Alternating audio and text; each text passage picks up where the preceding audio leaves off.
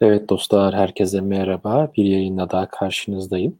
Ee, bugünkü yayınımız İngiliz Çayı Türk Kahvesi'nde konuğumuz yurt dışı eğitim ve operlik konularında uzman Erkan Balkan olacak. Ee, Erkan Bey bize bu konularda yani özel bugünkü konuyu yayını özellikle oper üzerine kurguladık. Operlik konusunda bizi bilgilendirecek. Kimler oper olabilir, nasıl olabilir, bunların şartları nelerdir, hangi ülkelere e, gidilebilir oper olarak e, bu tarz konuların hepsini kendisine soracağız ve detaylarını öğreniyor olacağız. Şimdi Erkan Bey'i de yayınımıza alalım ve konuşmaya başlayalım. Erkan Bey merhaba, hoş geldiniz. Merhaba, iyi akşamlar. İyi akşamlar. Şimdi benim e, sabit bir tane sorun var. Bütün katılan herkese sorduğum. Bize kendini tanıtır mısın cümlesiyle başlıyorum ben. E, senden de böyle hani kendinle alakalı bir e, birkaç cümle de olsa bir şey alabilirsek sevinirim. Erkan Balkan kimdir? Ee, İstanbul Teknik Üniversitesi makine bölümünü bitirdim. Esasında makine mühendisiyim ama mühendislik yapmak hiç nasip olmadı. İkinci sınıftayken abim Timothy'yi kurunca e, bu yurt dışı eğitim olayına e, girmek zorunda kaldım diyelim. O arada makine mühendisi olma e, idealleriyle İTÜ Makine'de okurken. Sonra tabii yarı okul yarı Timothy'yi devam ettirdim. E, ama sonra Timothy ağır bastı. makine mühendisliği rafa kalktı. E, baktığım kadarıyla da yaklaşık bir 31 sene kadar bir süre geçmiş. E, 89'da kurduk şirketi. Evet yani Türkiye'nin en eski opera acentasıyız zaten. Biz kurduğumuzda ne internet, ne bilgisayar, ne sosyal medya, WhatsApp hiçbir şey yokken e, opera programına start verme cesaretini gösterdik 89 yılında. Evet evet valla valla süper. Ee, yani bunca yıldır devam eden başarılı bir iş işletme aslında yani. Evet 31 yıl bitti 32. seneye giriyoruz işte 2000 21 itibariyle e, hakikaten e, sıfırdan alıp yani o devirlerde çünkü insanlara o peerlik dediğin zaman suratına böyle bir boş boş bakıyorlardı 30 yıl önce, 31 yıl önce. E, hani yurt dışına çocuk bakarak dilini geliştireceksin dediğinde hani nasıl yani oluyorlardı? Bunun hiçbir çünkü altyapısı da yoktu Türkiye'de. Tabii. Tabii evet evet ilginç bir durum. Ee, zaten bunu detaylı bir şekilde konuşuyor olacağız bugün. Detaylarıyla böyle e, bakacağız bu konuya. Peki hani Timothy Oper Agency diyoruz ama yani operlik haricinde, operlik haricinde yaptığınız başka hani konular var mı danışmanlığını yaptığınız? Yani, İlk önce onunla girelim. Sonra o operliğin tam nedir detaylarına falan böyle yavaş yavaş ineriz e, esasında bizim amiral gemimiz tabii Oper'likti ve İngiltere Oper'likti esasında 89'daki Timothy'nin kuruluşu onun üzerine. E, fakat zaman içinde çok fazla biz e, diğer yurt dışı eğitim firmaları gibi dallanıp budaklanmak istemedik. Yani hani e, internship'ler, work and travel'lar, e, master'lar, yüksek lisanslar hani e, hatta sloganımız ek işimiz değil tek işimiz Oper'lik olaraktı. E, fakat sonra maalesef 2008'de bir e, İngiltere kazaya uğradı Opera programında vizeleri durdurulunca. E, biz de yurt dışı eğitim danışmanlığı sadece dil eğitimi kısmından e, girdik ve gene İngiltere amiral gemimiz gene o olduğu için ve orayı da tabii çok iyi bildiğimiz için hani nerede kalınır, ne yenilir, ne içilir, kaça mal olur, işte ekonomik dil okulları nasıl olur, çalışma imkanları nedir? E, çünkü bir ara öğrenci vizelerinde de çalışma e, imkanı vardı İngiltere'de. Yani bizim e, ikinci yalnalımız yani oper olma ihtimali olmayan e, çünkü operlikte bazı şartlar var. Bunları sağlamayan gerek yaş olsun gerek başka konular olsun. E, o adaylar için de e, gene İngiltere ve Amerika odaklı olmak üzere e, ekonomik dil okulu tarzında yurt dışı eğitim danışmanlığı yapıyoruz. Evet anladım. Anladım. Süper. Yani yurt dışına çıkmak isteyen kişilerle alakalı dil eğitimi olsun, yüksek öğretim olsun ya da au pair'lik olsun bütün alanlarda hizmet veren bir şirketsiniz aslında. Peki ana konumuza gelecek olursak bugünkü yayını da üzerine oturttuğumuz konu. Au pair'lik nedir? Kimler au pair olabilir? Au pair'lik esasında özet olarak en ekonomik yoldan yurt dışında çalışarak dil eğitimi. Zaten hani herkesin de kafasındaki yurt dışında eğitim alırken bir şekilde hani çalışıp finansmanımı en azından e, cep harçlığımı, yeme içme yatma konaklamayı çıkarabileceğim bir sistem oturtabilir miyim? Çünkü onun dışında yurt dışında dil eğitimi gerçekten hele bugünlerde doların, pound'un uçtuğu dönemlerde e, pound şu anda 10 liranın üstünde. Evet, dil eğitimi evet. gerçekten çok masraflı. E, o yüzden de e, öğrenciler haklı olarak çalışabilmenin bir formülünü arıyorlar. E, çalışma izni olduğu dönemlerde tabii pub, kafe, restoran tarzı yerlerde part-time işler öğrenciler yapabiliyordu ama onun da bir garantisi yok. E, ve hani gittiğinde ne zaman iş bulabilir o da bir soru işareti. O yüzden operlik bu tür e, adaylar için büyük bir avantaj. E, gitmeden önce her şey hazır. E, aileniz hazır, çalışacağınız yer hazır. E, tek dezavantajı biraz kısıtlı olarak herkese hitap etmiyor. Özellikle e, kadın adaylar için geçerli. Erkekler programa pek e, kabul edilmiyor maalesef. Çok nadir e, ülkelerde, bu birazdan ileride Almanya'ya geldiğimizde bahsederim. E, hani vasıfları çok yüksek erkek adaylar olabilir OPER programında ama OPER programının özü çocuk bakarak hatta bunun içine bebek de dahil e, ve hafif ev işlerinde host family dediğimiz aileye yardım etmek suretiyle yeme içme yatma konaklamayı hiçbir katkıda bulunmadan belli bir miktar cep harçlığı alarak e, ve kursa giderek yine İngilizceyi geliştirme programı. Hatta e, seneler evvel sırf dil okulu için gelen adaya bile eğer o oper olabilecek vasıfları varsa derdim ki yani e, paranı dil okulu için harcama. Eğer hani çocukları da seviyorsan, biraz da deneyimin varsa e, ki Türk toplumunda e, biliyorsun yani e, bizdeki aile içindeki dayanışma, kardeşlere yardım, anneye yardım e, oldukça e, fazla. O yüzden de hatta İngiltere'de ben ilk e, tabii o devirlerde böyle internet yok. Google amca yok. Girip bakayım oper acentalar bana bize kim temsilcilik verecek.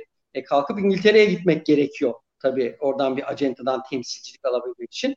Oraya uçup aynı filmlerdeki gibi telefon kulübesinden, sarı sayfalardan, Yellow Pages'tan Opera Agency isimleri, telefonları bulup çat kapı gidip ben geldim. Hani biz bir acenta kurduk. Hani oper göndermek istiyoruz İngiltere'ye diye.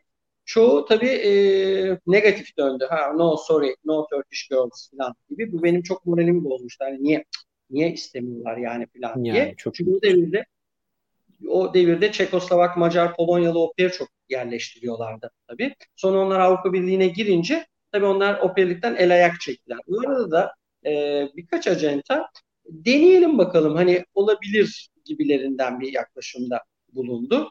Ve onlarla tabii sonra sene çalışma hayatımızda e, gerçekten Türk operlarının hani diğer ülkelere göre ne kadar avantajlı e, olduğunu gösterdi. Çok önemli çünkü hani Doğu blokundan aldıkları e, adaylar e, iki gün sonra pub, kafe, restoranda ben iş bulurum, operliği bırakırım mantığında gidenler ama Türkler her zaman daha çok kardeşleriyle ilgilenen, anneye daha yardımcı olan. Sonra pişman oldu o bazı acentalar, temsilcilik vermeyenler. Ya operler çok popüler olmaya başladı. Ve hatta sonlara doğru e, diyebilirim ki İngiltere'de özellikle e, marketin yüzde yetmiş, yüzde seksenini biz ele geçirdik. Yani wow, e, Doğu bloku adayların hepsi el ayak çekildi ve tabii ki Türk operlerin de çok başarılı performansları bizi number one'a oturdu. Oturttu İngiltere'de ama maalesef İngiltere'nin 2008'deki o artık oper vizelerini kaldırıyoruz Türkiye program dışı demesi e, bütün sistemi çökertti ve birçok İngiliz ajanta da iflas etti, kapattı. Çünkü e, onları Türk operler ayakta tutuyordu. E, aileler geliyor oper istiyor. Oper tedarik edemeyince sistemleri çöktü. Biz gene evet. tek tük de olsa buradan çifte vatandaş olan e, adayları e, göndermeye devam ediyoruz İngiltere'ye. E, işte Bulgar vatandaşı olup çifte pasaportlu olanlar gibi. Fakat onlar da 2008'den sonra, e, 2021'den sonra Brexit olayıyla Avrupa Birliği'nden İngiltere'nin çıkması durumunda onlar da gidemeyecekler artık İngiltere'ye oper olarak. Bu yüzden de zaten şimdi bazı acentaların ve ailelerin de e, tutuştular tabii. Diyorlar ki hani biz nereden oper alacağız o zaman? E, şimdi büyük bir baskı var, imza kampanyaları var. Tekrardan oper vizesinin İngiltere'de geri gelmesi üzerine.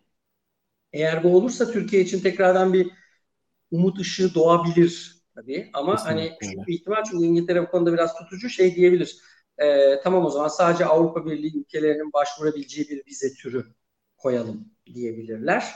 E, ama bunlar e, diğer acentalar ve aileler de şeye bastırıyor. Niye Amerika tüm dünyadan opera alırken Almanya, Hollanda, Belçika herkes tüm dünyadan opera alabilirken biz niye Avrupa Birliği ile kısıtlı kalıyoruz? Çünkü opera programının esas özü duyuş sebebi cultural exchange dedikleri kültür değişim programı. Yani Doğru. amaç tüm dünyadan gençliğin bir araya geldiği e, ve burada işte Türk'ün Japon'la, Japon'un Fransız'la, Alman'la, İtalyan'la tanıştığı, arkadaş olduğu kültür değişimi, kendi kültüründen bir şeyleri aileye verdiği, atıyorum İngiliz kültüründen veya hangi ülkede yapıyorsan o kültürden de kendine bir şeyler aldığın programın özü bu esasında. Tamam işin içinde dil geliştirmek, çocukların bakımı da var ama onlar esasında ikinci planda düşünülmüş. Yani zaten belli bir düzeyin üzerindeki İngilizce seviyesinde olanlar e, programa kabul ediliyor. Çünkü salt amaç dil eğitimi değil. Yani ben dil öğrenmek için gidiyorum dediğiniz zaman hatta vizeye bile takılabilirsiniz. Vize memuru sorduğu zaman neden opera olmak istiyorsun diye işte e, İngiliz kültürünü tanımak veya hangi o, ülkeden bahsediyorsak Amerikan kültürünü tanımak, yeni insanlarla tanışmak, e, çocukları da çok sevdiğim için bu programın bana uygun olduğunu düşünüyorum demek gerekiyor. Yoksa işte İngilizce öğreneceğim o yüzden bu programı seçtim dediğinde o zaman dil okuluna git. Bu program sana uygun değil cevabıyla karşılaşabilir aday. Evet, anladım. Anladım. Evet. Ee, gerçekten evet sıkıntılı. Yani o, o pairliğin ne olduğunu ve hani kimlerin o pair olabildiğini çok güzel bir şekilde anlayabildik buradan. Peki hani şunu da sormak isterim. Hani amaç çocuk bakmak ise erkekler bu işte tercih ediliyorlar mı? Ya da e, erkeklerin yatkınlığı nedir? Hani gelen kaç kişi e, ya 10 kişi geliyorsa kaçı erkektir diyebilirim buna sormak o, isterim. Onu yüz ve binlere çıkarmak lazım oran Öyle olarak mi? esasında. E, çünkü e, program her ne kadar dediğim gibi çocuk bakımıysa bebek de var işin içinde. Yani 0-2 yaş grubu hatta ağırlığa kayıyor. Yani yüzdesel olarak 0-2 yaş grubu olan aileler daha fazla au pair alıyorlar. E, o yüzden de tabii e, erkekler bu anlamda devre dışı kalıyor. Artı tabii kız çocuğu olan aileler var. Onlar da peki erkek opere yanaşmıyorlar. E şimdi öyle bir aile profili olması lazım ki erkek iki çocuğu, üç çocuğu neyse böyle canavar gibi futbol oynayan, PlayStation, işte rugby yani abla bunlarla başa çıkamaz. Benim erkek bir opera almam lazım diyen bir aile olması lazım. Evet, öyle bir durumda erkek opera hatta biz İngiltere'de bitmeden önce bayağı yani oranı bayağı yükseltmiştik. Yani e, onda birler olmasa bile böyle 20'de birlere falan yaklaşmıştı erkek no. yerleşme. Fakat şu anda Amerika'da bu sıfır. E, çünkü talep yok gibi. Bir de tabii pandeminin de çok büyük etkisi oldu. Hani Amerikalı ajantamız evet vasıfları çok yüksek olan erkek aday. Bu vasıflardan kastım muhakkak üniversite mezunu ve tercihan da e, ailelerin tercih ettiği gruplar nedir bu? İşte anaokulu öğretmeni olabilir, spor akademisi mezunu olabilir, konservatuar olabilir, işte çok müzikle ilgilenen bir ailedir. E, diyebilir ki konservatuar mezunu bir abi çocuğuma işte piyano, keman, herhangi bir müzik aleti çalmayı öğretebilir. İşte sporla ilgili bir ailedir. İşte yüzme koçu aa diyebilir ki ben çocuklarıma yüzme öğretecek, tenis öğretecek bir abi istiyorum şeklinde. O zaman erkek adayların şansı daha yüksek böyle beden eğitimi falan gibi. Ama çok düz bir adaysa e, İngilizce hani B1 veya 6 daha vasat e, normal standart bir üniversite mezunu. Çünkü tüm dünyadan rakiplerle kapışıyorlar. Yani sırf evet. kendi aralarındaki Türk operlarla değil. Bunun Japonu da var, Brezilyalısı var, Meksikalısı var, Avrupa Birliği'nin hepsi var. E, şimdi kapıştığınız tüm dünya geneli olduğu zaman e, bizde bazı eksiler de var. Nedir bu eksilerin başında? E, tabii ki vize problemi. Bazı ülkeler vize yönünden avantajlı. Hani bazen sorduğum zaman operlara da ben Sence bir Türk mü daha zor vize alır? Bir Alman mı? Ee, işte Amerika'ya giderken veya İngiltere'ye giderken veya bir Japon dediğimizde e tabii ki Türkiye'nin vize problemi ortaya çıkıyor. E, programdaki tek Müslüman ülke biziz diyebilirim. Tutup da Suudi Arabistan'dan, İran'dan e, o tarz ülkelerden opeyer almıyorlar sonuç itibariyle. E, eğer Türkiye'yi iyi tanımıyorsa, e, hele bir ön yargısı varsa e, Türk erkek opera almaya yanaşmıyor tabii. E, hatta bazen e, kadın adaylarda da almak istemiyor. E, çünkü diyor bizim evimizde domuz pişiyor, işte ne bileyim içki içiliyor. Acaba bu e, gelen operi rahatsız eder mi? Hani iyi niyetli tarafından bakıyor. Operin de rahatsız olması, ailenin de rahatsız olması Kesinlikle. demek. İşte o noktalarda bizim e, eksimiz olabiliyor maalesef. E, bir de mesela ehliyet işin içine giriyor. Tabii biz her ne kadar artık ehliyetlerimiz International Driving License olarak gözükse de e, Avrupa'da bazı sigorta şirketleri Türk ehliyetini sigortalamama eğilimine bile gidiyor. Diyor ki International Driving License'ı tamam yazıyor ama diyor bunu uluslararası ehliyete çevirttirin öyle sigortalıyım diyor. Ya da sürprim uyguluyor.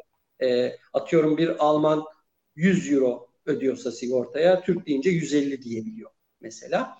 Bunlar hep bizim dezavantajlarımız ama tabii au pair'ların özellikle Türk pair alanında çok memnun kalan ailelerde e, genelde başka ülkeye pek yanaşmıyorlar devamlı. O da işte bir portföy oluşturuyor zaten. Çünkü bir ailenin çocuğu e, atıyorum 0 yaşında bile pair almaya başlayabiliyor. E, 10 yaşına gelene kadar bu ne demek? 10 sene pair alacak üst üste demek. E, au pair'ler bir yıl kaldığını varsaysak ortalama 10 tane pair değiştirecek demek ve acentadan memnunsa Türkiye'den memnunsa sürekli aynı aileye biz aynı aileye çok sürekli peş peşe pair vermişizdir. İşte Ayşe dönmüştür, Zeynep gitmiştir, Zeynep dönmüştür, Fatma gitmiştir. Bu da hem e, au pairler açısından da bir avantaj çünkü referanslı aileye gidiyor. Bir önceki pairle evet. konuşma şansı var. Sonuç itibariyle tüm detayları öğrenme. Tabii bir de hani şu anki nesil e, gerçekten çok şanslı. Şöyle diyebilirim ki tabii ben şu anda hani 52 yaşındayım. E, 30 sene evvel ben 22 yaşındaydım. Gönderdiğim operler benle yaşıt veya benden büyük de olabiliyordu 25 yaşında, 26 yaşında. Şimdi tabii şimdiki jenerasyonla aramızda 30 yaş gibi bir fark açıldı tabii. E, ama bu teknolojik çağ 30 sene evvel yoktu. Ben bir opera aile buldum dediğimde e, siyah beyaz bir fax gelirdi. Sadece application form şeklinde böyle bir aile. Yani eh gideceğim hani kapalı kutu.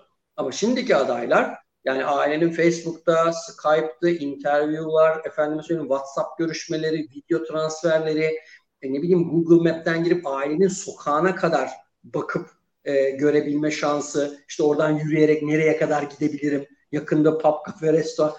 Eskiden bunların hiçbiri olmadığı için birçok opir e, körü körüne gidiyorlar. Ne çıkarsa bahtıma şeklinde gidiyordu. Şimdi çocuklarla bile e, günlerce görüşüyorlar. Bakalım arada bir elektrik pozitif tutacak mı, tutmayacak mı? E, karşılıklı bir iletişim olacak mı? Frekans tutacak mı? O yüzden tabii şimdi biraz daha yeni nesil bu avantajları kullanıyor. Eskiden biz bir Oper'in dosyasını göndermek için daktilo ile formları doldurur. Sonra postaneye gidip orada postaneden postayla evrakları İngiltere'ye gönderirdik.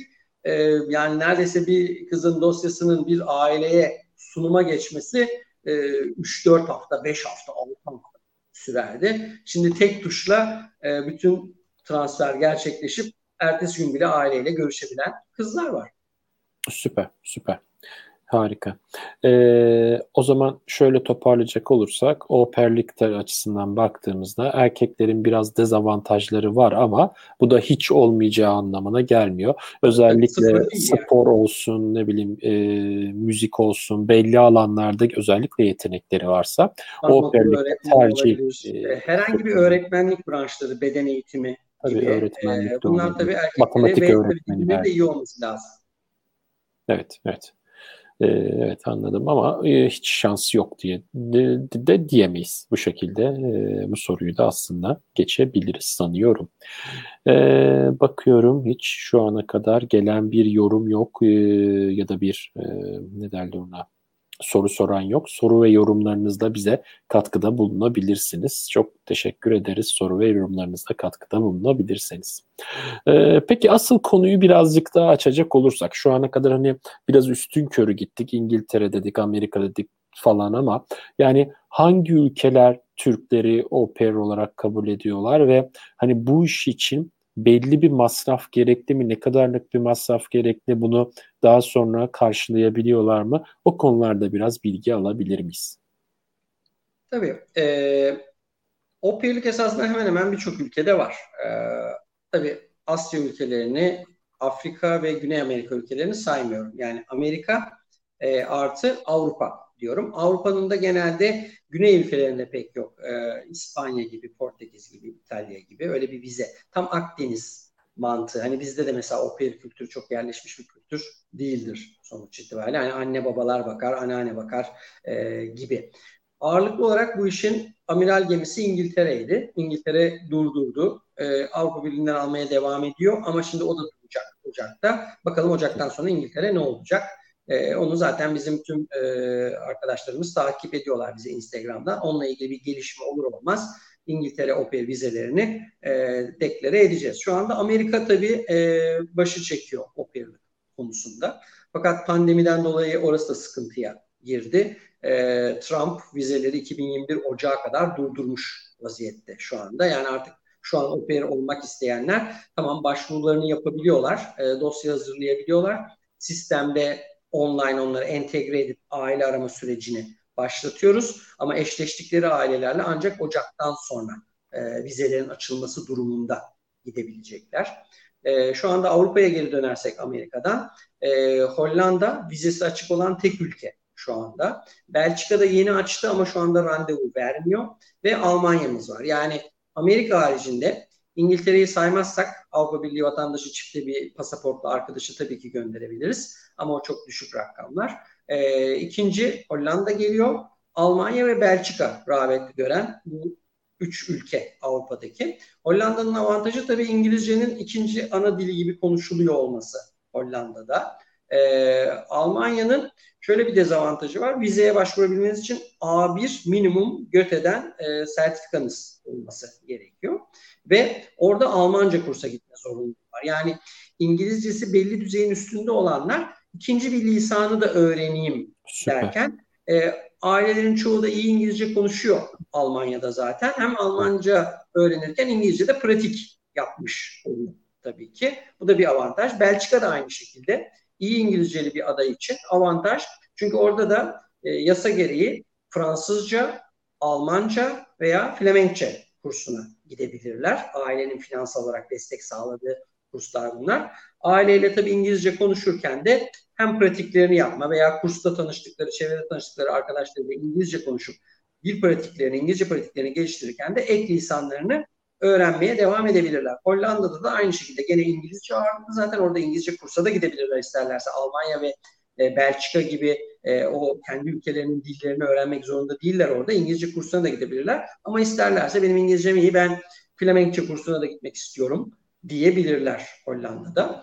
E, maliyet olarak tabii dil okullarıyla kıyasladığınız zaman hani kıyas kabul götürmeyecek. Ben hatta yayından önce şöyle ufak bir çalışma yaptığımda bugün en ekonomik çok taptaki okullardan bahsetmiyorum. Bir dil okuluna gitti kalktığınız zaman İngiltere bazında alalım. E, bir yıllığı baz aldığında rakam yani hani böyle e, yenilir yutulur bir rakam çıkmıyor. Zaten İngiliz hükümeti aylık 1260 pound'a yakın bir vize için şart koşuyor. Diyor ki ben bu parayı göreceğim. Bu senin yeme içme yapma konaklama yaşam giderlerin İngiltere'de 1260 pound tutar diyor. E bunu 10'la çarptığınız zaman 12 bin 15 bin pound sadece yaşam gideri. 15 bin pound dediğiniz bugün 150 bin TL yapıyor. Doğru. Artı buna bir de kurs parasını koyun. Yani bir yıllık bir kursun ücreti de minimum 4000 poundlara yaklaşıyor. 40 da o. 150, 190. Vizesi ıvır zıvır uçak bileti 200 bin TL. Ne o? Bir yıl İngiltere'de dil eğitimi aldı. 200 bin TL. Yani bu artık hani çok da finanse edilebilir bir rakam değil. E, dil dediğiniz şey de kısa süreli olmaz. Yani 3 aylığına gideyim. Evet tamam bu rakamı 3 aylığı bile az bir para tutmuyor. 3 aylığı da dediğiniz gene 50-60 bin lira tutacak yani sonuç Tabii. itibariyle. 3 e, ay dediğiniz göz açıp kapıncaya kadar geçiyor. Zaten onun ilk 2-3 haftası harala gürele çevreye bakayım, alışayım, adapte olayım. Son 1-2 haftası dönüş telaşı. E baştan gitti, sondan gitti. E, dil dediğiniz şey uzun soluklu olması lazım bir verim almak için. O yüzden de tabii artık dil eğitimi hani çok çok e, ekonomik gücü yüksek olan insanlar için evet hala e, olabilir ama genelde o peer'lığa kayış bu yüzden oldukça fazla. Çok ekonomik program. Neredeyse maliyeti yok gibi bir şey.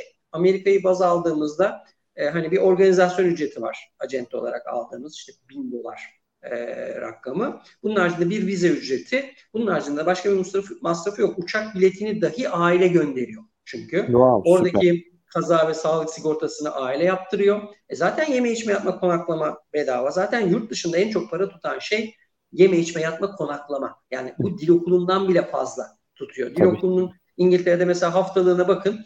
E, atıyorum 115 pound'a okul bulursunuz haftalığı. Konaklamaya bakın 150 pound'un altına konaklama bulamazsınız Londra'da. Yeah şeklinde. Bunun içine de en az 5 ile 10 pound arasında bir öğünü de katarsak ki minimumlarda konuşuyoruz bunları da ki e, ya, şu anda İngiltere'de yaşadığım için biliyorum ki minimumlarda hadi birazcık daha hani arkadaşlarla gezelim tozalım bir restoranta gidelim falan filan dediğinizde 15-20 poundları bulur minimumda. E, çok ciddi rakamlar tabii ki bunlar. Aynen. Böyle olunca da o payırlık neredeyse sizin 1000-1200 dolara Amerika için konuşuyorum. Diğer ülkelerde birazdan söyleyeceğim. Yani 1200 dolara her şey dahil bitirdiğiniz 2 yıla kadar kalabildiğiniz bir program ve üstüne de para kazandığınız bir program. Çünkü Opera haftada 195 dolar, hani 200 yuvarlak desek, ayda 800 dolar alırlar. Ee, seneye vurduğunuzda bu e, 9000 doların üzerinde bir rakam yapar. 2 sene kalırsanız 18 bin dolar. Ee, hani diyeceksin ki bunu harcamıyor mu? E, tabii ki harcar ama e, hani eğer böyle tutumlu bir adaysa haftada 200 dolar harcamak gibi bir eğilimde olmayabilir. Yani yüzünü harcar, yüzünü biriktirir. Bu ya, da ayda 400 ya. dolar biriktirir. Bu da ya. senede 4-5 bin dolarla geri dönebilir sonuçta. Ve Kesin. artı tabii süper bir İngilizceyle. Çünkü e, şöyle bir örnek vereceğim. Perşembe günü e, konuğun vardı Efsun Indus danışmanlığı.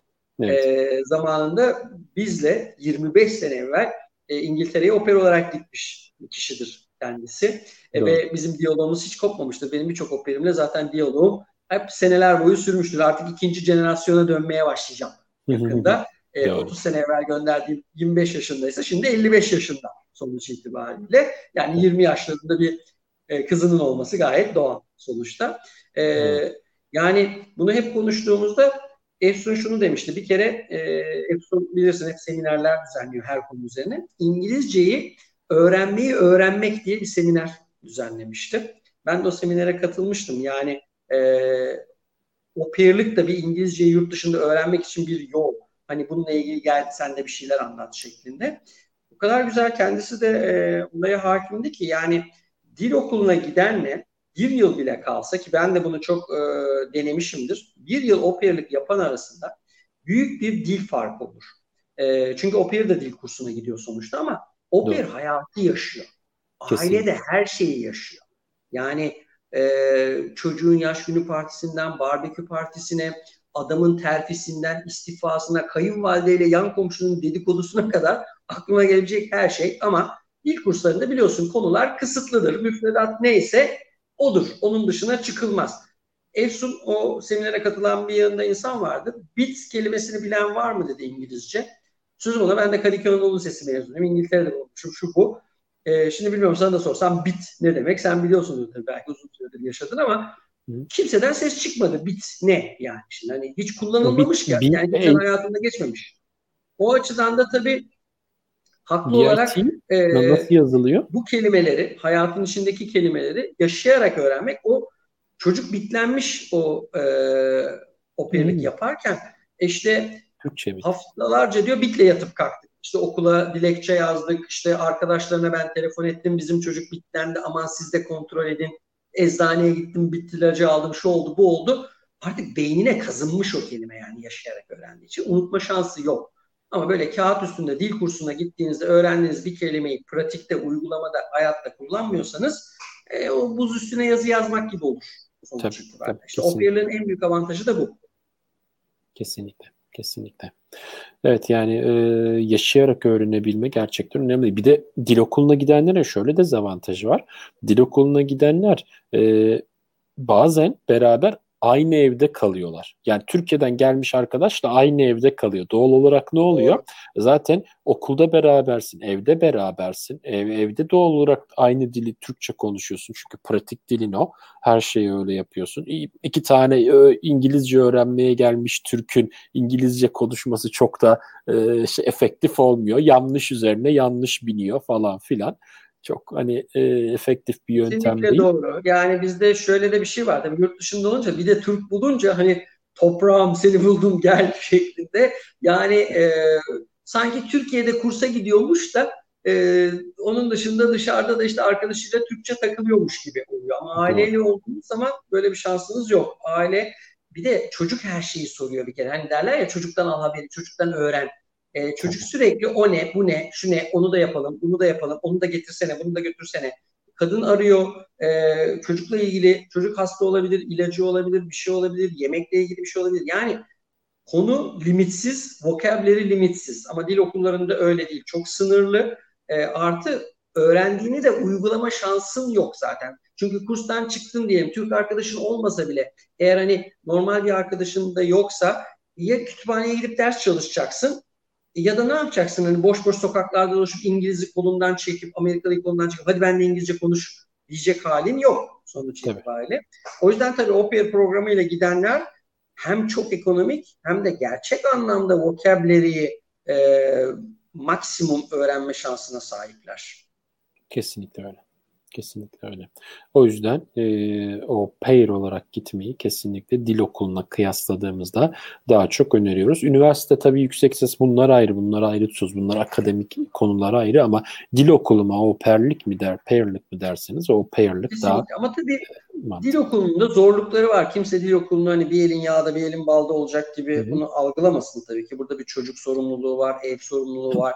Tanımadığın dilden, dinden, ırktan insanlarla aynı evi paylaşıyorsun. Tabii. Karşılıklı sevgi, saygı, güven lazım.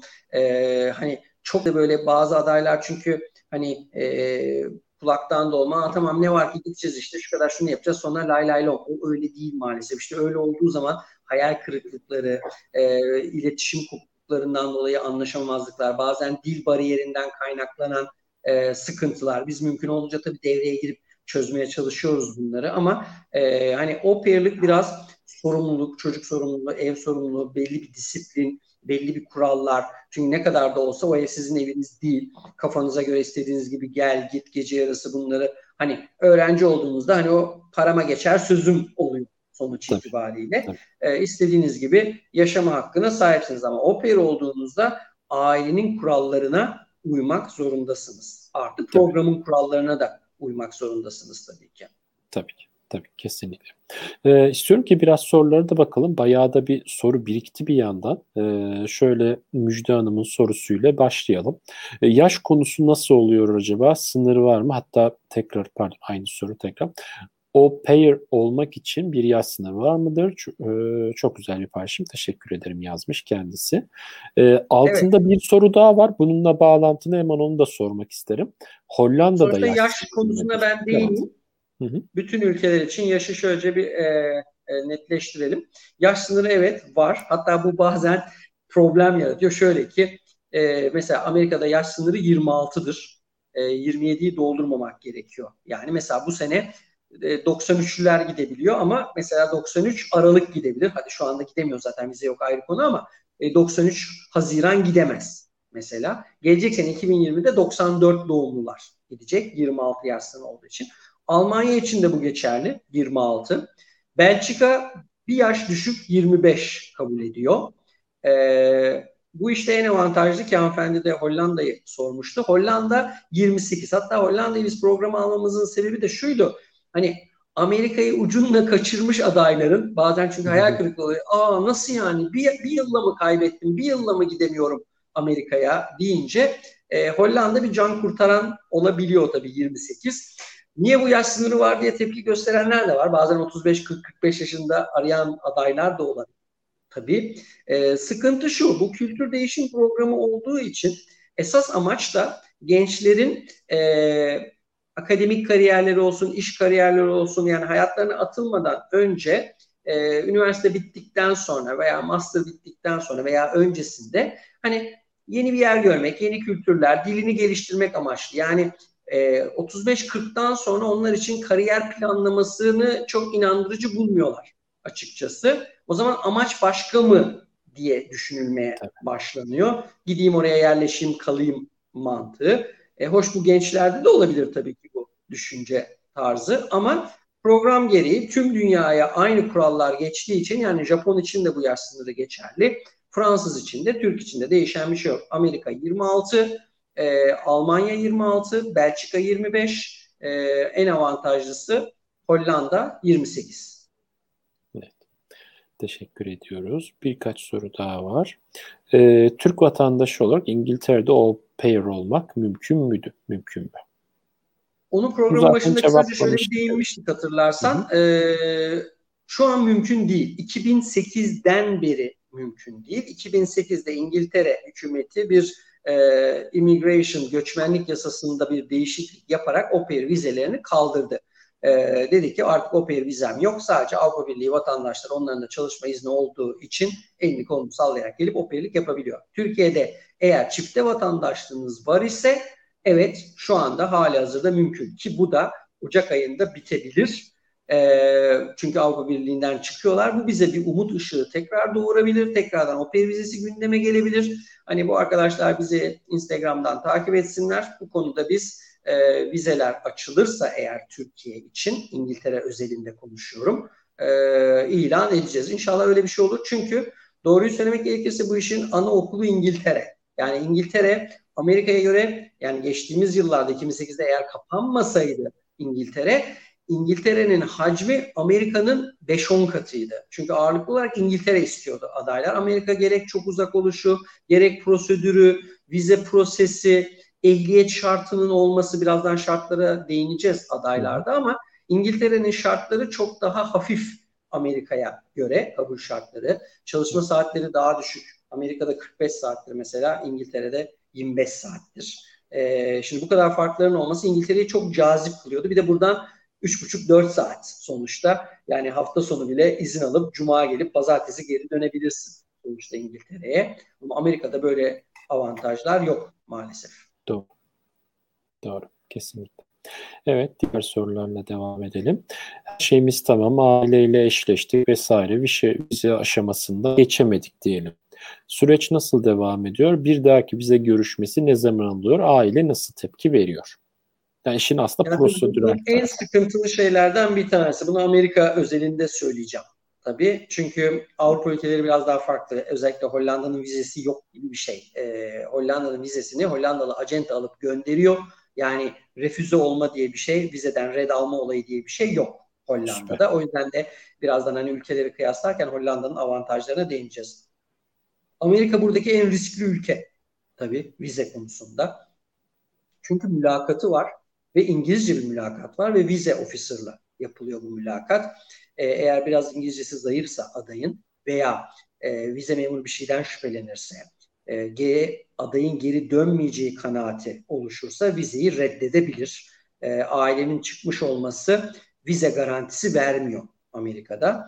E, aday da tabii bu noktada eğer red alırsa e, yapabileceği çok fazla bir şey yok. Tekrar başvurabiliriz. E, öyle bir hakkımız var. Ama ilk reddin sebebi önemli tabii. E, vize memuru inanmadım, tatmin olmadım, hani geri dönmeyeceğiniz kanaati bende oluştu ya da İngilizceniz çok yetersiz gibi oper olmanız için sakıncalı derse tabii ona çok fazla yapacak bir şey yok. Bazen hiçbir sebep göstermeden refüze ediyorlar. E, tamamen vize memurunun inisiyatifi gibi oluyor bu. Bu noktada evet ikinci başvuru yapılabilir ve ikinci başvuruda hani bir önceki vize ofisine vermiyorlar zaten. E, aday kendini iyi orada ifade edebilirse bir önceki vize memuru beni e, hiç dinlemedi. Hani yani neye istinaden reddettiğini bile anlamadım şeklinde derse evet ikinci bir şans doğabilir ama genelde bu düşüktür. Yani ben çok ihtimal vermiyorum. E, çünkü mülakatta elendiğiniz zaman çünkü burada çok fazla evrak işlemiyor. Bu dil okulu gibi değil. Yani bir ekonomik bütçe sunmuyorsunuz, bir banka cüzdanı sunmuyorsunuz, bir gelir düzeyi sunmuyorsunuz. Ee, burada tamamen e, finans devre dışı. Burada tamamen sizsiniz vizeyi alan. Eğitim durumunuz, kariyeriniz, gelecek planlarınız. E, adam bundan tatmin olmayıp red veriyorsa, mesela mezun olmuşsunuz, 3 e, yıldır işsizsiniz diyelim. Red alma ihtimaliniz kuvvetle muhtemel olabilir. Vize memuru hani 3 yıldır e, boşsunuz, e, niye bu arada değerlendirmeniz, niçin daha önce gitmediniz gibi. Hani orada onu ikna etmek zorundasınız ve bu da İngilizce yapmak zorundasınız bu mülakatı. Kolay bir şey değil tabii. E, tabii. Ailelerin tepkisi ne oluyor diye bir cümle vermiş. Tabii bu bir hayal kırıklığı herkes için. Acenta için, bizim için, Amerikalı acenta için, oper için ve aile için. E, zaten bu vize redleri biraz da Türk operleri olan talebi bazen azaltabiliyor. Çünkü aile diyor ki onca işlem, onca masraf, onca emek, onca zaman sonunda kocaman bir sıfıra dönüşebilir redden dolayı. E, red ihtimali daha az olan ülke hangisi? Mesela atıyorum Japonya, Almanya, Fransa, İtalya. O ülkeye kayabiliyor aile böyle bir riski göze almak istemiyorsa. Genelde ikinci başvuruyu yap yap diye aileler ısrar eder. Hani e, bir bekleme süreci gene olacak tabii. Bu gene iki hafta atacak, üç hafta atacak, dört hafta atacak duruma göre. Hani aileyle çok iyi bağlar kurulmuşsa çünkü bir opera adayıyla en az iki hafta, üç hafta Skype'lar, WhatsApp'lar, görüşmeler arada bir e, nasıl diyeyim duygusal bir bağ da oluşabiliyor bazen. O yüzden evet. red alırsa aile çok üzülüp hani ne olur bir daha dene bakalım belki alabiliriz moduna girebiliyor. Bir ümit daha denenebilir açıkçası.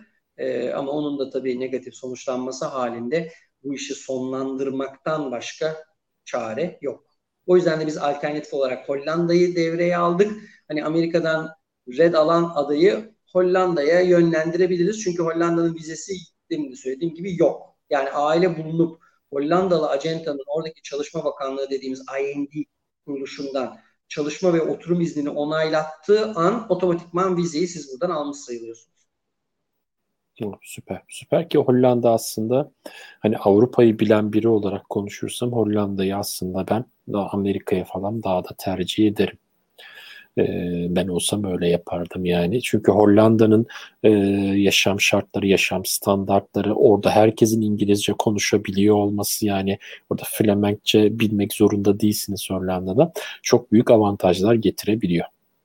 Evet. Hatta ben Hollandalı acentamla ilk e, Skype görüşmesini yaptığımda yani soyadına bakmasam e, Van Elderen gibi bir soyadı vardı. Hollandalı olduğunu anlamazdım. Yani ben dedim ki İngilizle konuşuyorum yani sonuç itibariyle. Hani evet. sıfır aksan. E, hatta kadına da dedim ki yani hani Almanla konuştuğum zaman bazen hissedebiliyorum aksanı e, veya Belçikalıyla. Çünkü eğer çok aktif Fransızca konuşuyorsa Belçikalı ve öbürü de Almanca konuşuyor tabii.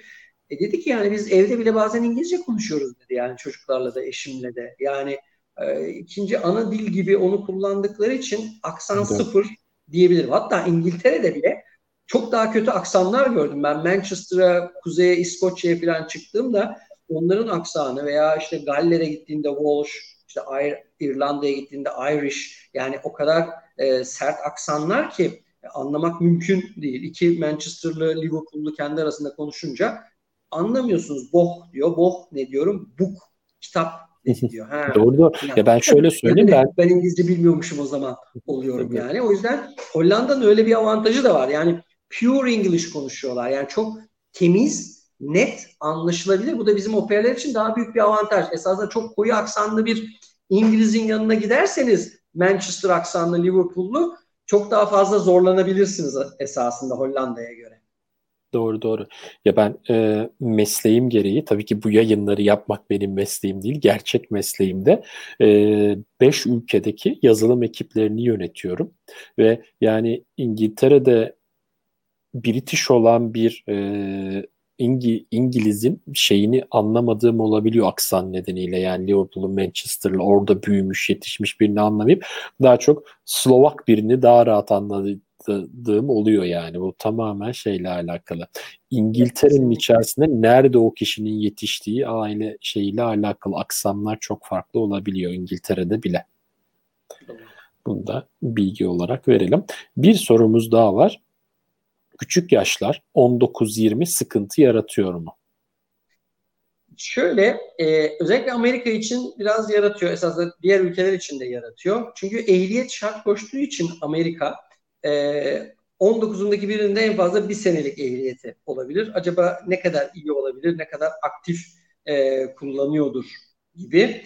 E, bu birazcık işte ailelerin 23-24 yaş grubunu daha tercih etmelerine sebep oluyor açıkçası. Evet küçük yaş grubu rakipler arasında çok donanımlıysa İngilizcesi atıyorum B2 ee, işte 18'inde hemen ehliyet almış kendi aktif arabası var çok iyi araba kullanıyor ee, işte ne bileyim work and travel'la Amerika'ya gitmiş işte ne bileyim Erasmus ama buna da yaşı yetmiyor yani şimdi Erasmus şu bu filan dediğiniz zaman yaşlar 23-24'lere geliyor sonuç itibariyle e, diğer rakipler arasında biraz zorlanabilir o yaş grubu.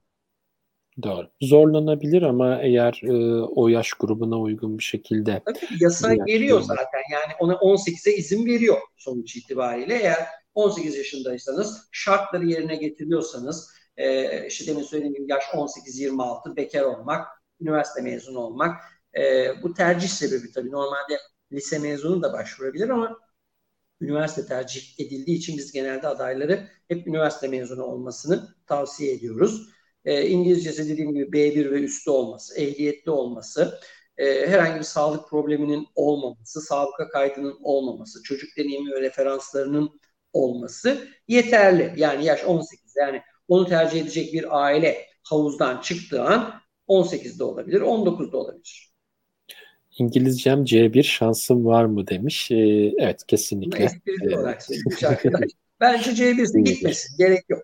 Yani C1 ise zaten gerek yok kesinlikle. Pratik amaçlı ya da işte Almanya veya e, Belçika'ya gidebilir. Orada da işte C1 İngilizcesini pratiğini yaparken iyi bir derecede Almanca veya Fransızca öğrenebilir. Çok mantıklı. Çok mantıklı. Kesinlikle. Kesinlikle. Ee, evet yani Gonca Nur'da İskoçya'da 6 ay yaşadım. Bir Glasgow'luyu 3 ay sonra anlayabilmiştim demiş. Kesinlikle doğru böyle şeyler olabiliyor. Scottish, Scottish aksan tabii çok zordur. Yani çok kuzey aksanıyla e, yani ben de anlamadığımı söyleyebilirim açıkçası. Evet kesinlikle anlamadığımız zamanlar oluyor.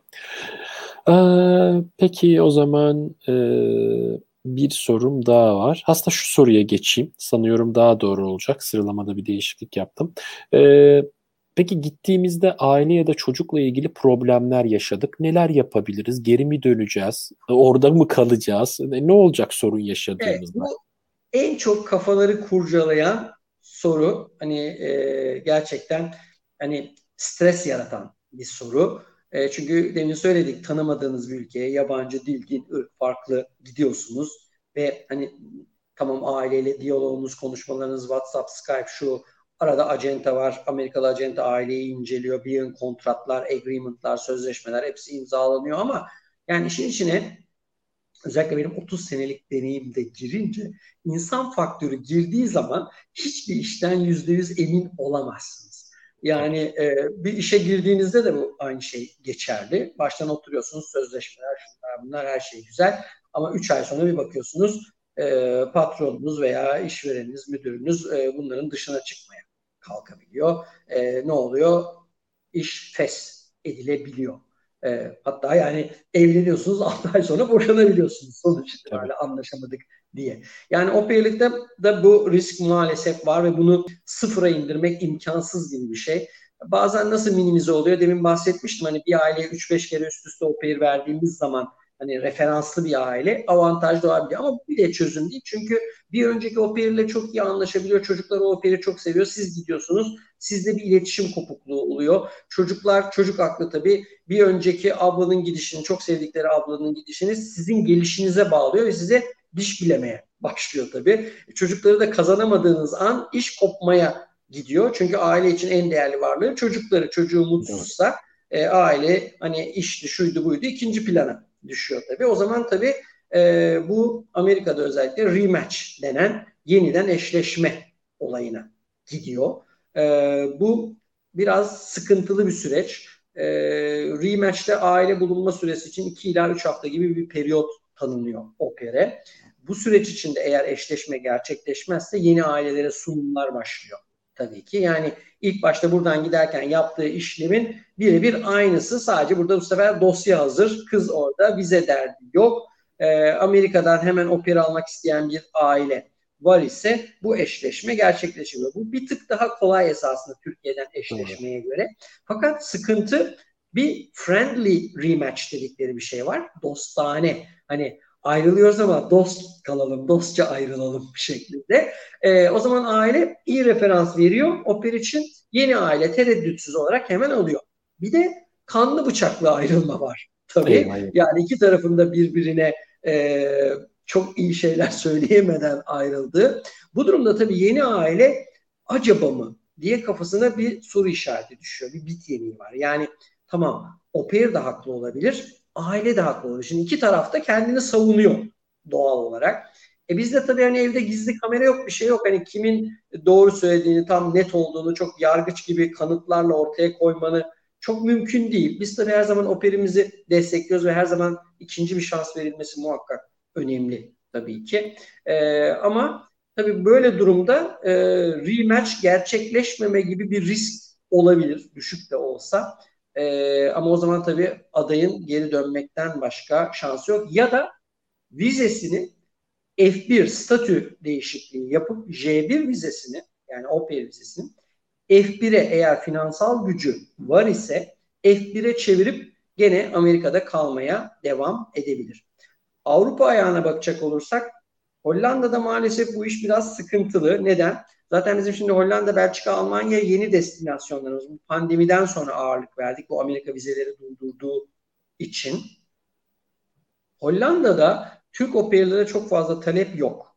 Neden? Halbuki en avantajlı ülke esasında bizim için Hollanda gibi gözüküyor. Şöyle de bir avantajı var. Ee, organizasyon ücreti de yok. Yani oper adayları e, Hollanda'ya başvururken herhangi bir acente ücreti ödemiyorlar. Mesela Amerika'ya başvurduklarında demin söyledim 1000 dolar gibi bir organizasyon ücreti ödüyorlar. Almanya için 700 euro, işte Belçika için 700 euro gibi. Fakat e, Hollanda hükümeti bunu yasaklamış. E, operler hiçbir şekilde acente ücreti veremez diye, vermeyecek diye. E, bu operlerin hoşuna gidiyordu. Ve ne güzel acente ücreti vermiyor. Hatta Tabii. vize ücreti de vermiyorlar. Süper. Belçika'da onu da aile ödüyor.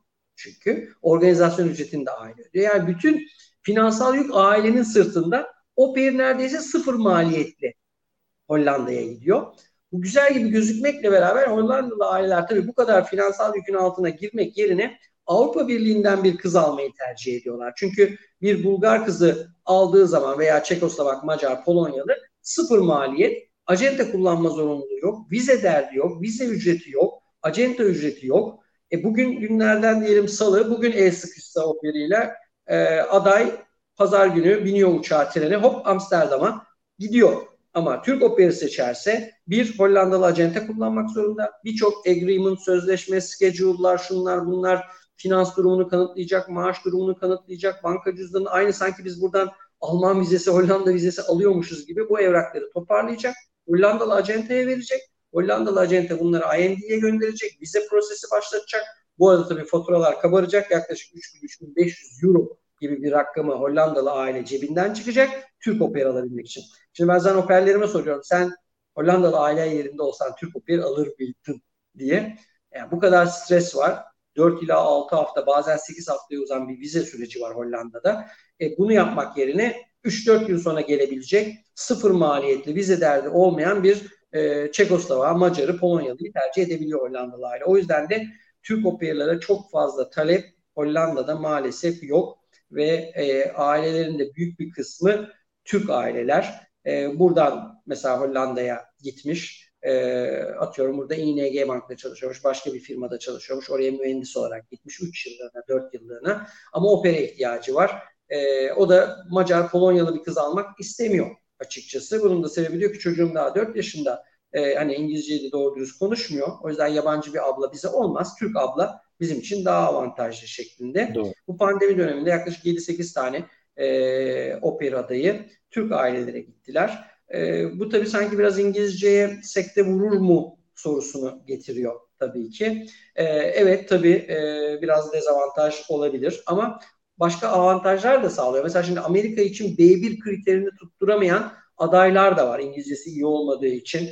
E, diyor ki beginner'ım diyor, A1'im diyor, A2'yim, Amerika'da operlik yapabilir miyim diyor. Hayır yapamaz. Zaten Amerikan konsolosluğundaki vize memurunun mülakatı bile geçemeyebilir o A1 seviyesiyle veya A2 seviyesiyle.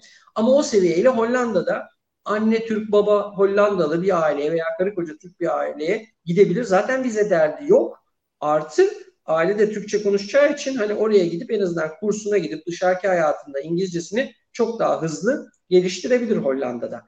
Ama işte Hollanda'da aile değişikliği bir sıkıntı. Amerika gibi büyük bir havuz yok. Amerika'da bu rematch havuzu dediğiniz e, yüzlerce aileyi kapsıyor ve e, aile değişikliği çok fazla sekteye uğramadan gerçekleşebiliyor. Adaydan kaynaklı çok büyük bir problem yok ise tabii öyle bir durumda bazen programdan da men edebiliyor Amerikalı acenta. Çünkü aile eğer delilleriyle işte çocuğa şiddet uyguladı ya da şöyle sorumsuzluğu yüzünden çocuğum yaralandı, çocuğum e, bir problem yaşandı dediği an direkt tabii program dışı kalıyor ve ona yapabilecek hiçbir şey yok. Zaten rematch'e gitmiyor o olay.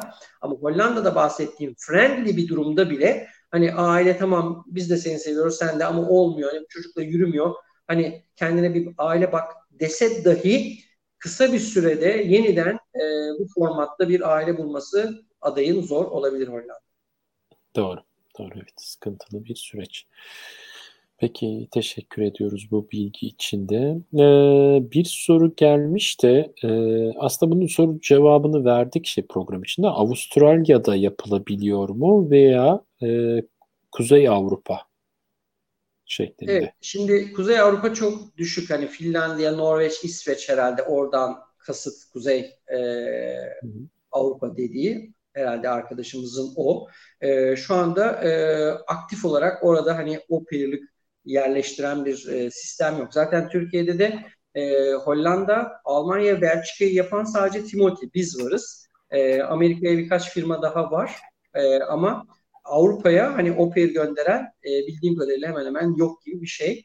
E, o yüzden kuzey ülkelerine bir de tabii talep de çok az. Şimdi bu biraz arz talep dengesiyle de doğru orantılı.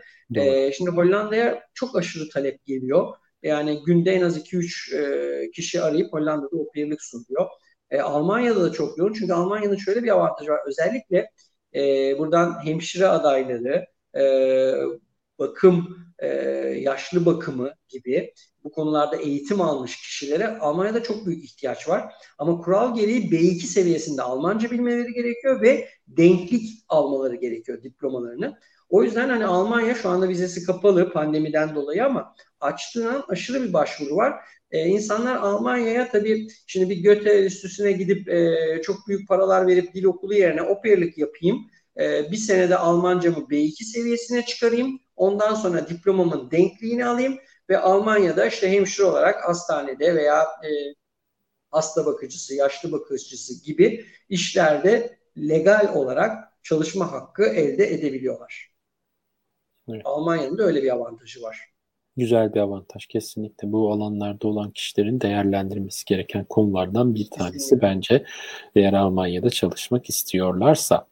Peki aslında biraz önce hani laf arasında değindik ama birazcık daha açarsak e, bir oper cep harçlığı da aldığına göre masraflarını rahatlıkla karşılayabiliyor mu? Para biriktirme şansı var mı diye bir sorun vardı benim aslında.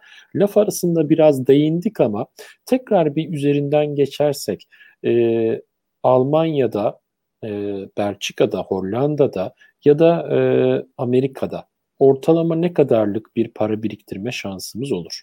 Ayrı ayrı ülkeleri şey yaparsak. Evet, şimdi şöyle, esasında tabii bu para, program para kazanma programı değil, bir çalışma evet. programı değil sonuç itibariyle. Evet. Bir kültür değişim programı. Zaten hükümetler de bu paraları ona göre ayarlıyorlar. Yani hiçbir zaman bunun bir askeri minimum wage dedikleri askeri ücretle uzaktan yakından alakası yok, yaklaşmıyor bile bunu hani bir ailenin çocuğuna e, haftalık cep harçlığı verdiği gibi düşünmek lazım. Amerika'da bir tık daha iyi bu. 800 dolar oluyor aylığa vurduğunuzda. Haftalık 195 dolar. E, yeme içme hayatlarının bedava olduğunu düşünürseniz evet belli bir para biriktirme Amerika'da söz konusu olabilir. Ama operler genelde hani Amerika'ya kadar gitmişken o parayı yiyorlar açıkçası. Tabii. İşte New York'a da gideyim. E, uçak bileti ucuz bulursam New York'ta ise bir Kaliforniya yapayım gibi. E, haklı olarak ben de olsam hani e, böyle bir fırsatı değerlendirmek isterim açıkçası. Tabii. Belki bir tık daha iyi bir üniversitenin kursuna Amerika'da çünkü 6 kredi ders alma zorunluluğu var programı başarıyla tamamlamak için. Aile bir 500 dolar eğitime katkı payı veriyor Amerika'da ama hani iyi bir kurs yaparsanız bunun üstüne çıkmanız gerekir. Bunu da cep harçlığınızdan finanse edersiniz. Ee, yani Sıkarsanız evet Amerika'da para birikebilir. E, çok ekstrem rakamlar olmamakla birlikte. Ama o para zaten sizin orada rahatlıkla her türlü sosyalleşmenize, pub, kafe, restoran, sinema, tiyatro, e, konser dahilinde hepsini finanse edebilecek bir güçte. E, Avrupa'ya gelelim. Avrupa Amerika'ya göre daha düşük. Hollanda'nın aylık 340 eurodur. E, senelikte 320 euro eğitime katkı payı verirler. Ama tabii saatsel olarak Avrupa Amerika'ya daha düşüktür. Amerika 45 saattir çalışma saati. Avrupa'da bu 30 saatte sınırlandırılmıştır bu üç ülkede de. E, o yüzden de hani tabii daha az alıyorlar. Aylık 340 euro Hollanda, e, 330 euro Almanya. E, bu ülkeler içinde en avantajlısı Belçika. O 450 euro veriyor hmm. aylık onlar. E, yeme içme yapma bedava olduğu için, zorunlu hiçbir fatura ödemediğiniz için, kendi özel hijyeniniz için alacağınız 3-5 alışveriş, e, hatta yani özel indirimde yakaladığınız bir tişört, bir ayakkabı bunları bile esasında finanse eder. Çünkü sen de biliyorsun İngiltere'de bile e, yani dönem sonlarında yazdan kışa, kıştan yaza geçerken çok büyük indirimler söz konusudur. Yani 100 poundluk bir şeyi 20 pound'a alabilirsin icabında. İşte bu tür şeylerde ufak tefek alışverişler dahil bu cep harçlıkları, operleri rahatlıkla orada geçimini sağlar. Ama Avrupa'da iş para biriktirmeye gelince çok kolay değil açıkçası. Yani 340 euronun neresini biriktireceksin sonuç itibariyle. Amaç zaten onu hedefleyen e, yani o hükümetler zaten hani buraya gelip para kazansınlar, para biriktirsinler amacını gütmedikleri için o parayı zaten hani minimumda tutmaya çalışıyorlar. O para hani zorunlu ihtiyacınızı zaten aile karşılıyor. Bu para sizin orada sosyalleşmenizi, bir pub, sinema arkadaşlarınızla bir yere gitmenizi, özel hijyeniniz için belki bir diş macunu alacaksınız, bir şey alacaksınız. Onları da karşılıyor. E zaten adayların %90'ı kıyafetlerini, ayakkabılarını, hani pahalı tutacak şeylerini, çantaydı, monttu, kazaktı buradan götürüyorlar sonuç itibariyle. O yüzden hani orada da bu tür e, alışverişlerini gerektirecek, masraf yapmalarını gerektirecek bir durum söz konusu değil. Evet, evet anladım.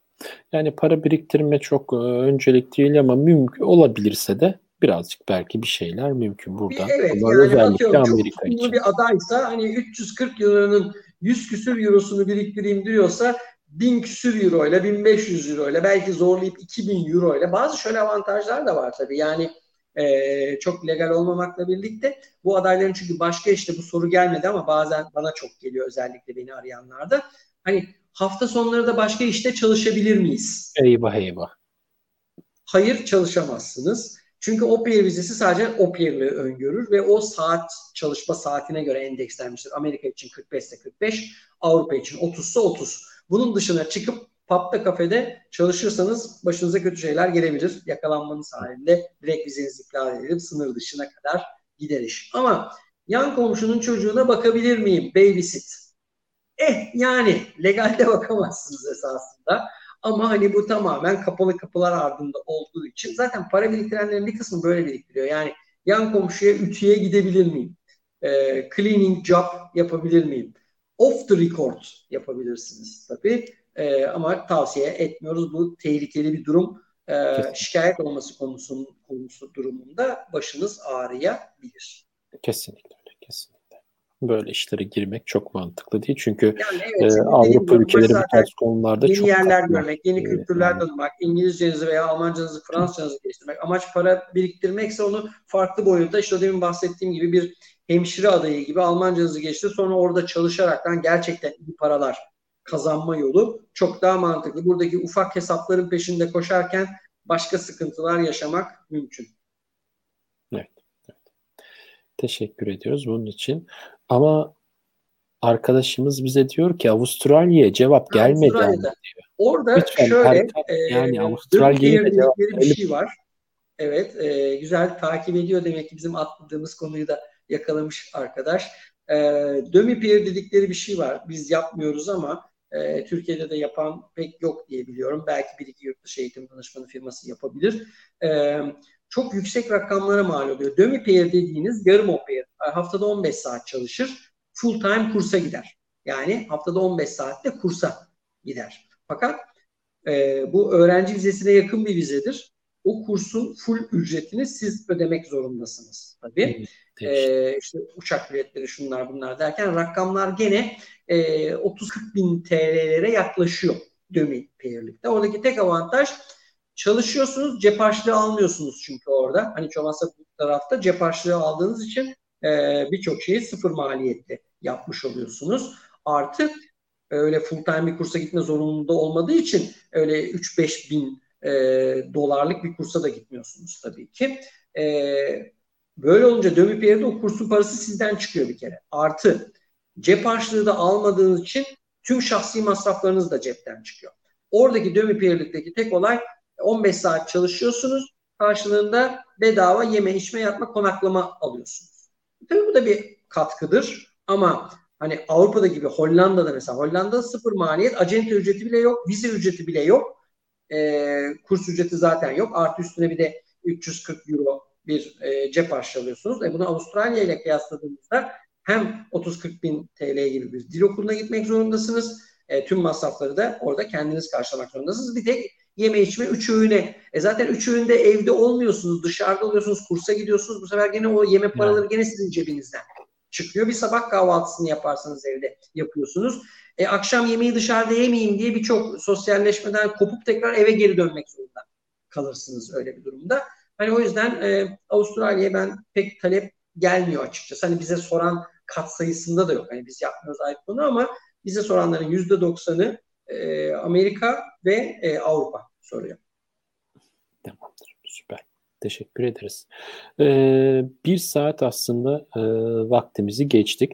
Hızlıca o zaman diğer bir iki tane daha soruya e, girmek istiyorum. Bunlardan bir tanesi e, çok hızlıca yanıt alabilirsem oper olarak gittiğimiz ülkede kalabiliyor muyuz? Yani daha sonra vize türümüzü değiştirerek olabilir, orada çalışmak olabilir bilmiyorum artık. Yani bir şekilde kalabilme şansımız var mı o ülkelerde? Normalde vize süresi bittiği an Amerika önce bir yıl veriyor sonra ikinci yıla isterseniz uzatabiliyorsunuz. Extend yapabiliyorsunuz. İki yılın sonunda ama o finaldir. O bir daha uzamaz o vize.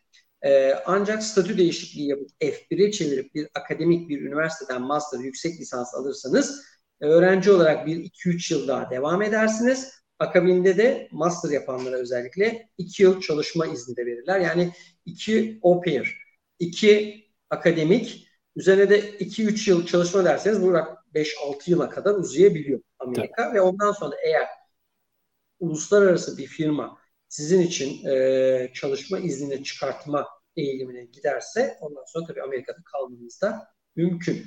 Bir alternatif de evlenip kalabilirsiniz tabii. Bunu yapan bazı operlerde var. E, çünkü o e, işin içinde duygu ve aşk girdiği için onu da vizeler stop ediyor. E, işin içine bir evlilik cüzdanı giriyor ve tamamen yasal olarak bu sistem çalışıyor. E, bir yıl, iki yıl gibi operlik uzun bir süre e, giden aday arkadaşlarım da yaşları 25 yaşlarda olduğu için hani bu da olabiliyor tabii ki. Yani, hani oransal Başımıza geldi diyorsun. Bu da bir ihtimal. Avrupa'da da gene aynı şey evlilik kapısı her zaman açık. Yani evlenen aday için kalmama gibi bir durum yok. Ama Amerika'ya göre bir tık daha dezavantajlıdır Avrupa. Ee, bir kere iki yıl değildir o pair'ler. Maksimum 12 aydır. 12 ay extendable olamaz, uzatılamaz. Geriye demin Almanya'da söylediğim hikaye. Belli yaş, belli e, mesleki gruplar için yeterlilik alması halinde ve iş bulması halinde evet çalışma izni almak suretiyle e, kalınması söz konusu olabilir. Evet, süper. Ee, yani bir şekilde bu da mümkün. Sanıyorum evlenip de kalanlar olduğu için bu konuda birazcık böyle hassas bir noktaya geldin herhalde. Evet tabii yani o e, ona yapacak bir şey yok. O dünyanın her yerinde geçerli olan doğru, bir şey. Doğru. Yani. Kesinlikle öyle. Kesinlikle öyle. Peki bunu da bu şekilde atlattık ve bir sonraki sorumuz hatta bu son sorumuz olsun istersen. Ee, bu işin kolay ve zor yanları nelerdir? Hani yaşanmış iyi ve kötü örnekler alabilir miyiz? Gerçekten senin başından geçmiş hani e, özellikle kötü bir örnek var mı? Çünkü iyi örnek zaten iyidir. Hani orada bir sıkıntı yok da özellikle zorlanabileceğimiz, problem yaşayabileceğimiz, ondan sonra sıkıntılı bir durumda kalabileceğimiz bir örnek var mıdır? Her şey böyle lay layla mı olmuyor çünkü hayat içerisinde? Evet zaten bunu demin e, programın ortalarında bir yerinde söylemiştim. Tabii 30 sene çok uzun bir süre. Hatta emekli olunca diyorum kitap yazacağım. Operalık üzerine bestseller şeklinde. Doğru.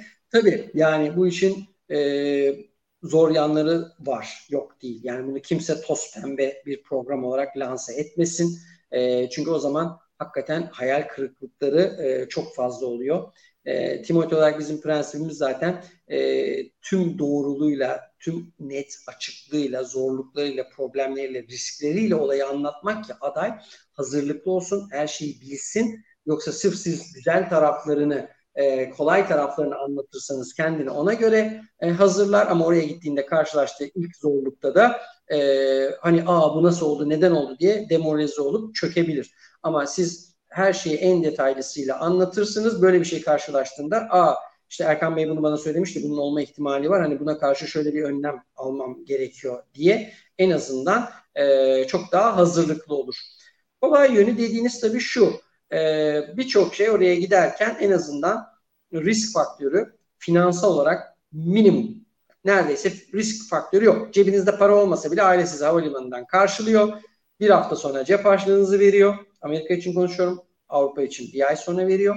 E, yeme içme yapmanız her şey tepenizin üstünde bir çatı var. En kötü çıkmazsınız, gezmezsiniz, evde oturursunuz, para harcamazsınız. Yani. aç da kalmazsınız.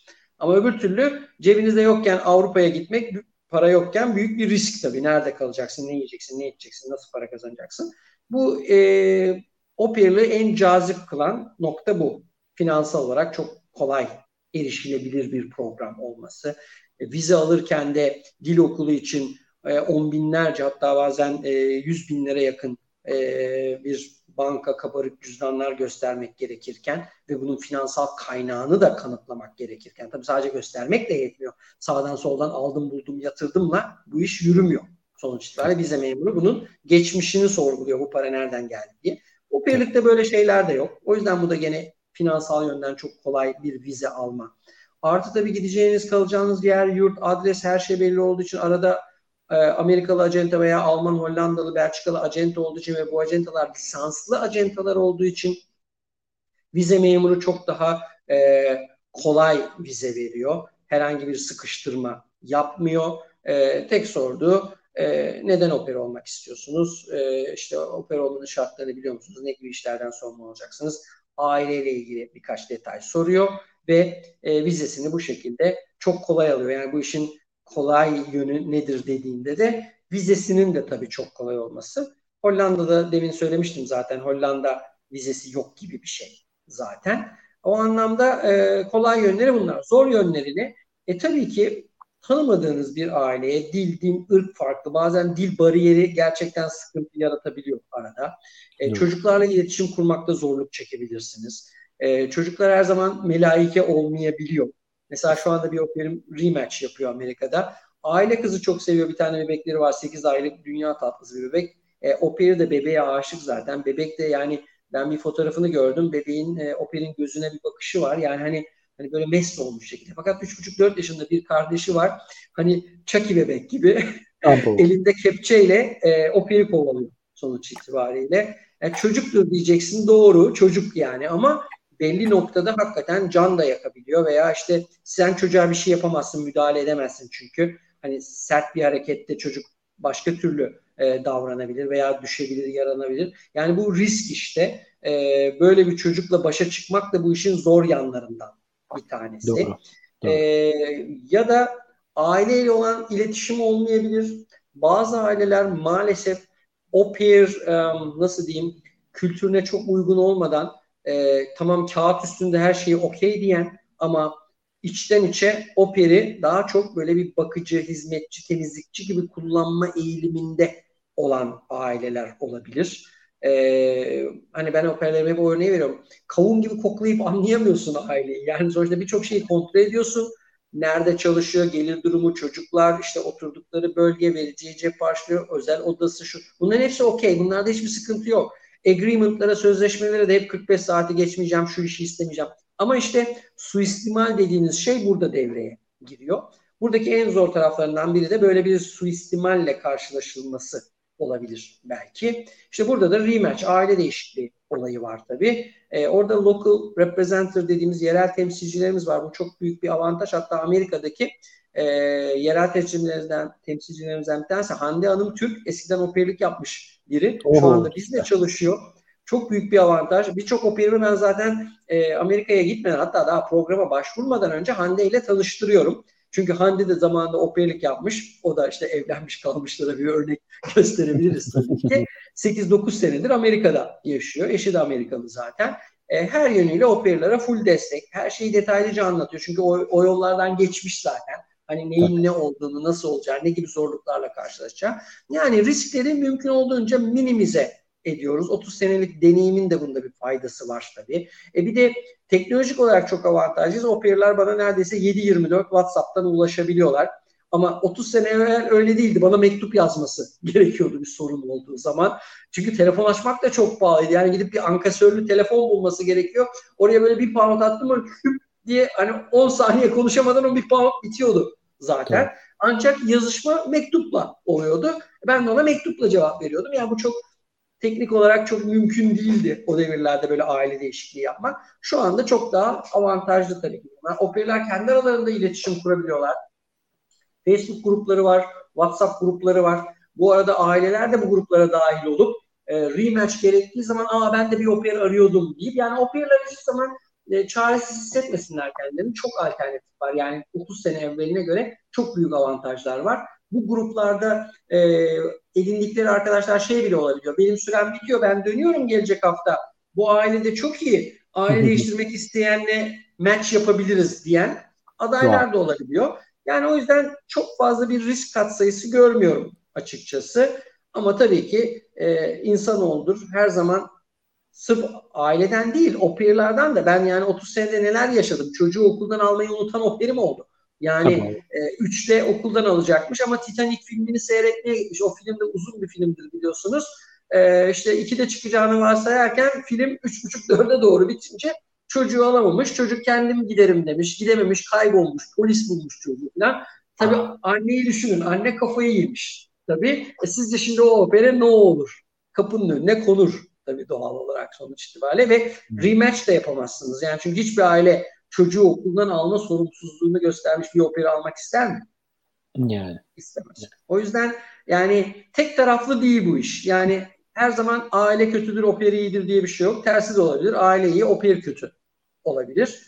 E, bu da ailenin riskidir. Hep operalar bana onu sorar. Derler ki ya işte hani biz nasıl güveneceğiz aileye? Şimdi yani hani e, ama aile sana güveniyor. Savunmasız bir çocuğunu bebeği emanet ediyor sonuç evet. itibariyle. Yani sen gene 25 yaşında her türlü kendini savunabilen, hukuki olarak işte ne bileyim polis çağırabilen veya işte ne bileyim her türlü e, hukuki hakkını mahkemede arayabilecek ama sana teslim ettikleri çocuk 3 yaşında, 2 yaşında bazen 0 yaş grubunda. Hani e, haberlerde falan seyrediyoruz ya dadı çocuğu almış duvara vuruyor kafasını bilmem tabii. ne yapıyor falan. Yani hani bunlar çok kötü örnekler tabii. Ama yani aile de bir risk alıyor sonuçta. Bu tek taraflı bir risk değil. Hiçbir zaman peer hatta tam tersi peer bir noktada daha önce peer almış bir aileye giderek çok büyük bir avantaj sağlayabiliyor. Demin anlatmıştım yani e, Zeynep'i gönderdim arkadan Fatma gidiyor diye. Sen referanslı bir aileye giderken aile için sen ilk defa operlik yapacak bir insansın ve senin aldığın referanslar da şu komşudan, eşten, dosttan. Yani hani o referanslara ne kadar güvenilebilir sonuç itibariyle. Aile bunları güvenerekten seni evine alıp ertesi gün evinin anahtarını, arabasının anahtarını, çocuklarını emanet etme güvenini gösterebiliyorsa senin de zaten aileye güvenmen gerekiyor. Zaten hani böyle bir güven ortamı oluşmayacaksa veya bu güveni duymayacaksan bu programa katılmaman gerekiyor. Bu programdaki üç önemli şey sevgi, saygı ve güven. Bu üçü olmadan bu program olmaz. Evet valla süper bağladık sonunu gerçekten. Sevgi, saygı ve güven olmadan o perlik ortamı oluşmaz dedik. Ee, bu da bizim son noktamız olsun o zaman. Ee, başka da bir soru yok sanıyorum. Biz de o zaman bu e, yayını evet bir saatten fazla oldu. Bir saat 20 dakikaya ulaştı neredeyse. E, teşekkür ediyorum Erkan. Yıllardır biz de seninle tanışıyoruz. E, bu vesileyle de güzel de bir sohbet de etme şansımız da oldu seninle. E, çok teşekkür ediyorum. Bugün geldin, konuk oldun. Ben bu bilgi, ediyorum. birikim Umarım ve tecrübeni. olmuştur dinleyen e, izleyicilere. Gene sormak istedikleri her şeyi e, senin kanalına veya bize direkt olarak ulaşıp sorabilirler. Tabii tabii ben alttan zaten o bütün bilgileri de e, geçiyorum. Sana mutlaka ulaşacakları bir kanal seçebilirler içerisinden. Ee, çok teşekkürler arkadaşlar. Dinlediğiniz için, katıldığınız için. Ee, görüşmek üzere.